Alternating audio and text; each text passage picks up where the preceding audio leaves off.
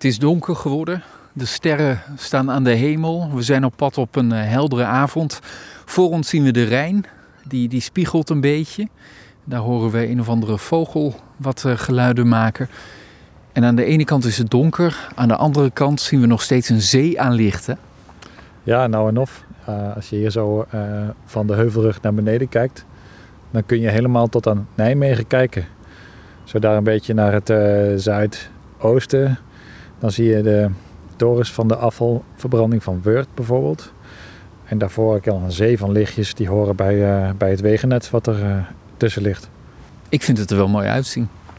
Ja, het, het, heeft een bepaalde esthetiek. En ik kan me voorstellen dat het, als je dat voor het eerst ziet, dat het mooi is. Net als dat je, hè, als je op een heuveltop naast een grote Amerikaanse stad kijkt en je kijkt erop neer dat het ook erg indrukwekkend is. Maar, uh, maar ja, ik denk toch dat als je daar uh, te lang naar kijkt, uh, dagenlang of gewoon je hele leven, dat je op een gegeven moment denkt, nou was het hier maar donker. Dan ga je toch de duisternis missen. Ja, dat denk ik wel. Tenminste, ik, ik zou dat zeker hebben. Ik denk, ik, het, het zou mij een gevoel geven van een soort van over-civilisatie. als, ik, als, ik ga, als ik denk aan aan, aan ongerepte natuur, dan horen daar gewoon geen lichten bij. Nee. Dus dit is lichtvervuiling in jouw ogen?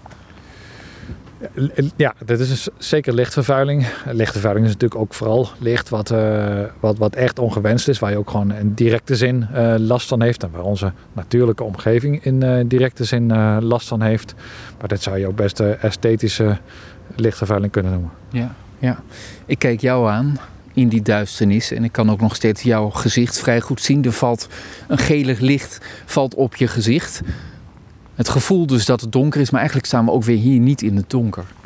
Nee, het is bijna nergens meer echt uh, donker. En je kan eigenlijk voor de, bijna de hele Nederlandse bevolking wel stellen dat uh, wij, wij in een gebied leven waar uh, nachtelijk kunstlicht altijd feller is dan het natuurlijke licht. Dus dan moet je je voorstellen dat de maan al heel veel licht geeft, maar dan nog woon je in een omgeving, ja, je wijk, je straat, je stad of je dorp, waar eigenlijk altijd meer licht is dan wat de maan normaal liter zou produceren. Nu ben ik van buiten gewoon en wil ik natuurlijk weten wat betekent dat voor het, het leven in het bos bijvoorbeeld, in de natuur. De soorten die om ons heen leven, die zijn natuurlijk gewend aan een, uh, een prachtige op- en neergaande beweging van uh, licht en donker. Namelijk gewoon door het draaien van de aarde. Ja, en die wordt nu dus een beetje, uh, niet een beetje, maar die wordt vreed verstoord door ons nachtelijk kunstlicht. En dat kan tot allerlei verwarringen leiden. Zoals? Nou, bijvoorbeeld... Um, uh, vleermuizen die uh, niet meer kunnen jagen op plekken waar ze gewend waren om daar te jagen. Uh, voor bosmuizen die te bezorgd zijn te bang zijn om op sommige plekken te forageren. Um, wat er ook kan gebeuren is dat dieren hun activiteitsritme gaan, gaan verplaatsen of, of wijzigen. onder andere bijvoorbeeld dat er met koolmezen gebeurt, is dat die in sommige gevallen, als, als het voor je heel koud is bijvoorbeeld, dat die als gevolg van de aanwezigheid van licht iets eerder gaan broeden dan hun soortgenoten die juist een donker gebied uh, uh, broeden. Dus het heeft echt allerlei uh, consequenties. Licht is voor erg veel soorten niet een, een, een, een heel erg groot probleem. Die bosmuis natuurlijk wel en ook voor sommige vleermuizen.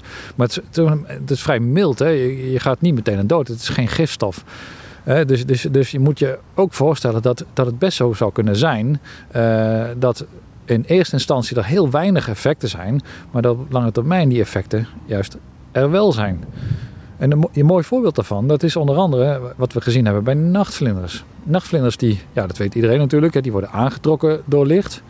Wat we hebben gezien is dat als, je, als nachtvlinders jarenlang uh, bloot worden gesteld aan licht, dat ook de populaties van die nachtvlinders om lantaarnpalen heen uiteindelijk uh, naar beneden gaan. Maar dat heeft gewoon echt veel tijd nodig. In de eerste jaren ging het juist omhoog. En dat zou best kunnen zijn dat het komt door, die, door de aantrekking van die lantaarnpalen. Dat je dan eigenlijk lokaal eerst wat uh, een toename meet aan uh, nachtvlinders. Mm -hmm. Maar ja, op een gegeven moment dan, dan, dan kunnen er geen nachtvlinders meer worden aangetrokken. Hè, die zijn op als het ware.